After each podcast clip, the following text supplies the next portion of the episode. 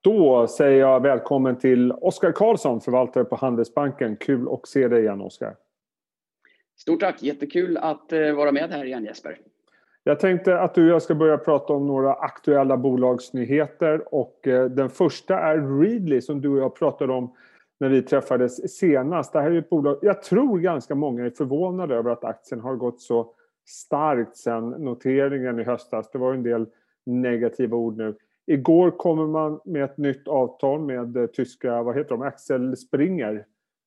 Eh, fick aktien att gå rejält. Varför var det en så pass positiv nyhet? Ja, men kollar man de nyheterna som har varit så, så, tycker jag faktiskt det är en väldigt välbefogad kursuppgång som har varit. Nyheten som kom igår var ju jättestor.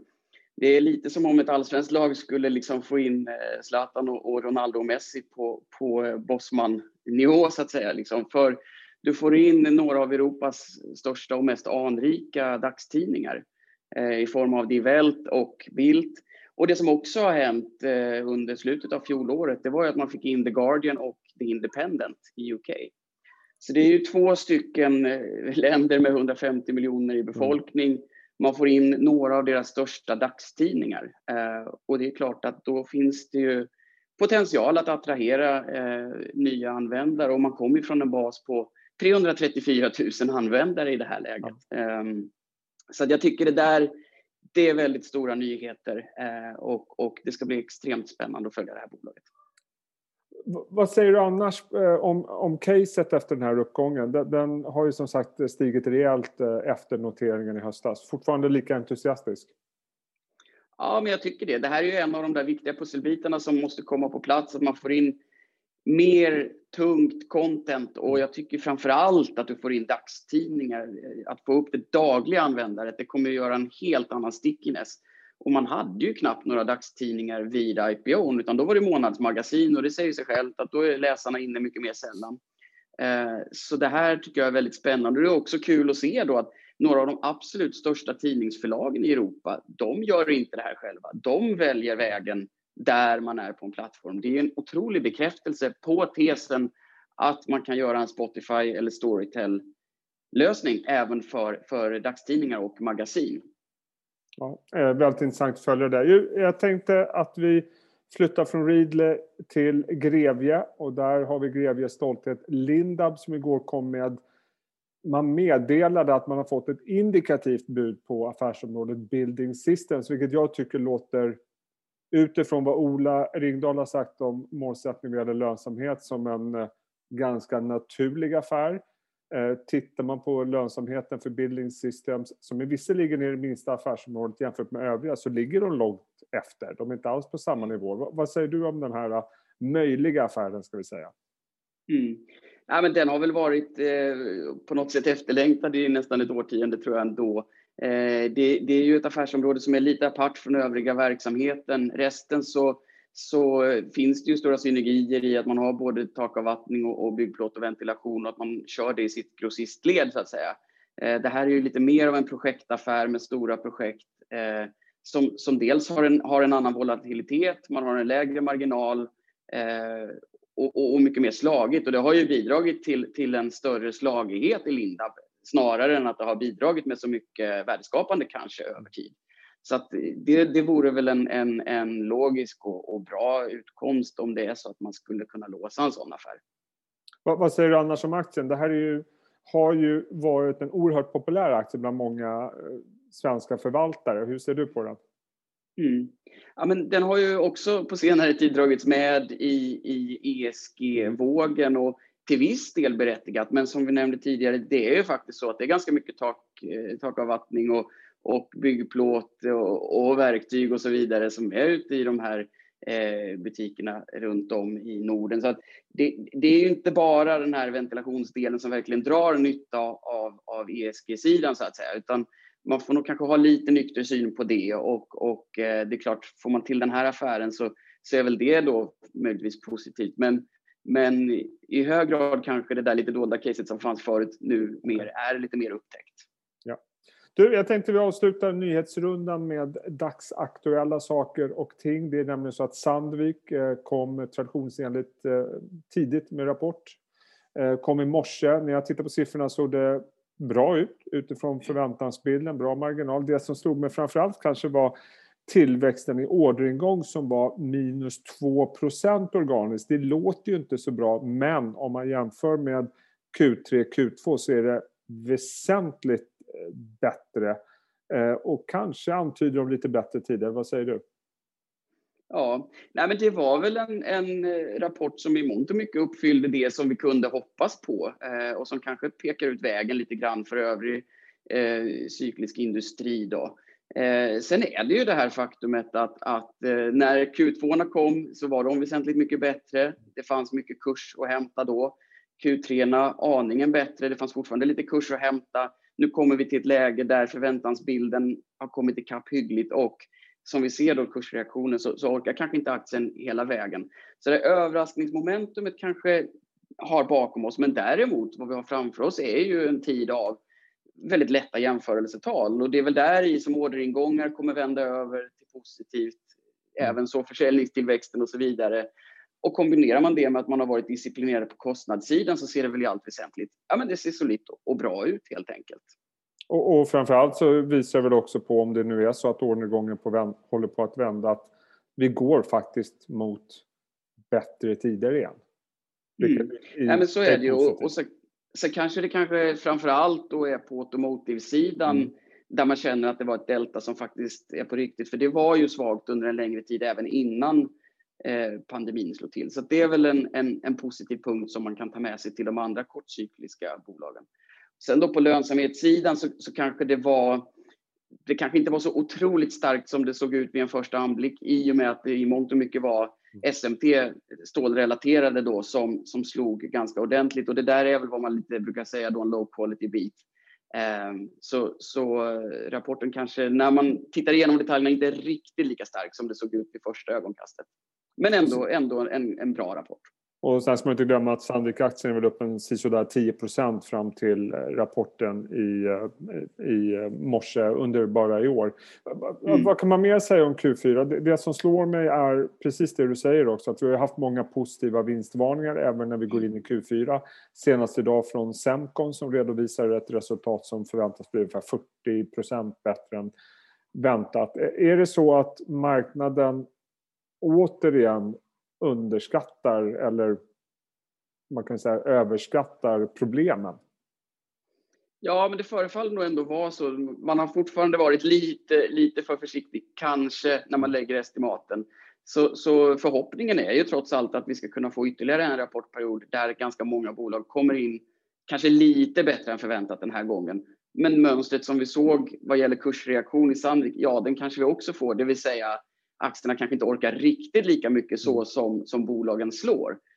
Därmed inte sagt att det, att det blir ett negativt tolkningsföreträde, men, men vi kanske har nått lite mer av en mognadsnivå eh, i återhämtningen så att säga.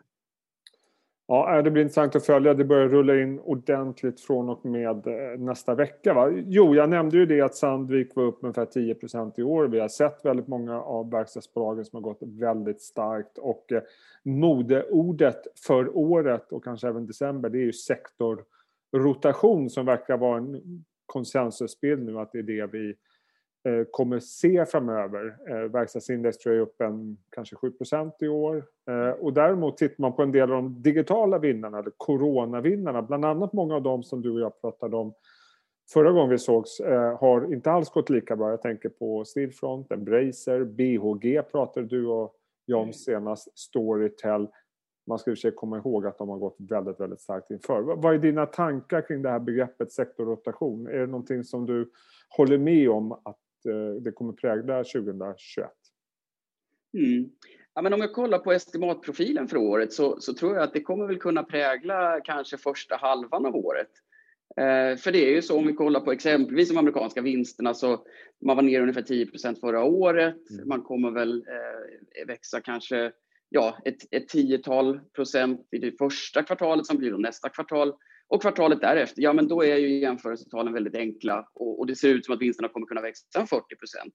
Och det är klart att i en sån miljö, ja men det är precis nu, liksom sex månader innan det händer, då vill ju marknaden vara exponerad mot det där. Och man vill vara på plats i det cykliska när förhoppningen är hög om att vi får en återöppning av, av världen så att säga. Men sen när de här lite lättare jämförelsetalen har rullat förbi, ja men då kommer ju SKF vara samma bolag som man var tidigare och då inser man att man växer ungefär i linje med BNP. Ja. Och någonstans kommer man väl komma till den här insikten under andra halvåret när vi blickar in i nästa år. Och där och då så kommer det sannolikt, tror jag, bli så att då är det de strukturella tillväxtbolagen som styr sin egen tillväxt som kommer ta över den gula ledartröjan igen. Eh, men därmed, det är klart att det har varit, det har varit vettigt att exponera sig mot de här enklare jämförelsetalen och det faktum att bolagen okulärt ser ut att växa eh, under första halvåret här. Om vi tittar på de bolag vi pratade om senast, jag tror det var Storytel, vi pratade Stillfront, Embracer, vi pratade BOG som inte är en digitaliseringsvinnare men framförallt en kanske en coronapandemivinnare om man ska kalla det för. Eh, de har ju gått väldigt starkt under 2020. Eh, det är ju mest nu i inledningen som har gått lite svagare. Är, är det någon av de casen som du har ändrat uppfattning om att det har gått för mycket eller att du kanske plockar på dig lite mer när det har rasat, eller rasat har det inte gjort, men backat under 2021. Hur resonerar du kring den kvartetten? Mm. Nej, men jag tror det är lite sådär att, att de har fått epitetet stay at home-aktier mm. eh, på sig till att börja med. Och, eh, jag menar, det här var ju bolag, vi har varit med i de här resorna i fyra, fem år. Det var starka bolag som växte strukturellt tidigare. Eh, de gjorde förvisso det under pandemin också, men kommer sannolikt göra det framgent också. Eh, så, så, överlag så tycker jag liksom ändå att de strukturella krafterna som fanns förut, ja men de består. Sen är det ju det här faktum att många tittar på den amerikanska räntan och ser att den är lite stigande och sådär. Yeah. Men man får också komma ihåg att när de här aktierna gick väldigt starkt för två, tre år sedan, då hade vi amerikanska räntor, långräntor på, på 3 Och det gick ju alldeles utmärkt för de här aktierna att utvecklas väl då också. Eh, så full förståelse för, för att man har allokerat om i många portföljer. Man ser det som sker men som sagt, när de här lite enklare jämförelsetalen rullar över för de cykliska bolagen, då står vi där, SKF växer 3% igen. Då är det sannolikt så att de här som klarar av att växa 20-25% kommer ta ledartröjan igen. Eh, om man säger så här då. Eh, om vi backar bandet till den 9 november när Pfizer-beskedet kom kring vaccin och vi fick den här eh, brutala rörelsen på, på väldigt kort tid. Vi såg enorma flöden som gick från säg, från Zoom till flygbolag, bara för att nämna ett mm. exempel. Eh, mm. Det gör mig lite nervös, för det tycker jag indikerar att det finns sådana krafter och kanske passiva flöden, vad vet jag, som mm. liksom navigerar i det här havet, vilket gör att det blir väldigt svårt att förutse vad som kommer hända. Och att det kan på något sätt kanske trycka ner vissa sektorer trots stark fundamenta hur resonerar du kring det och hur parerar du det? Nej, men så, så är det absolut. Och krafterna är starka och de har väl blivit starkare på senare år. Och jag tycker det är väldigt tydligt vilken tidshorisont de här krafterna har. Det är sex månader framåt ja. eh, hela tiden. Och nu är vi väl då förhoppningsvis sex månader från att vi ska kunna öppna upp och så vidare. Då, ungefär. Och då är det det som är den överordnade traden. Och den här typen av krafter glömmer kanske vad som sker på ett, två, tre, fyra års sikt. Och det där är ju egentligen bara en, i grunden en, en möjlighet för oss som är aktiva och har en lång, lång horisont. Eh, någonstans ut med vägen när många av de här tillväxtbolagen kanske har fejdat lite grann, ja då kanske det dyker upp attraktiva entry points i ett läge då när exempelvis cykliskt eller annat har gått, gått lite väl starkt. Men sen kan man väl också titta några av de här absolut mest extrema vinnarna på att världen kan öppna upp igen, så som ja, men, bolag som säljer konsertbiljetter eller flygbolag och så vidare. Vissa av dem är ju nästan på all time high redan. Um, så det där säger väl också någonting om vart förväntansbilden finns på att samhället ska öppna upp igen. Um, och, och, då kan man ju ifrågasätta lite grann vad, vad risk-rewarden i, i, det är. Mm. Du, eh, avslutningsvis Oskar, eh, du nämnde lite grann eh, din syn på några av de här vi pratade om förra gången och jag får känslan av att du även har varit med i den här eh, att delvis allokera om kanske mot mer cykliskt. Har, har du gjort några större förändringar i din portfölj? Mm. Ja, man kan väl säga under fjärde kvartalet eh, så, så ökade vi på ytterligare eh, förhållandevis mycket, ganska brett då i hela cykliska sidan. Eh, det är väl framför allt det som vi har, som vi har gjort. Då. Eh, och mycket av det är ju just det här vi såg framför oss, att, att vi går mot en tid med lite lättare jämförelsetal och, och en återhämtning så att säga.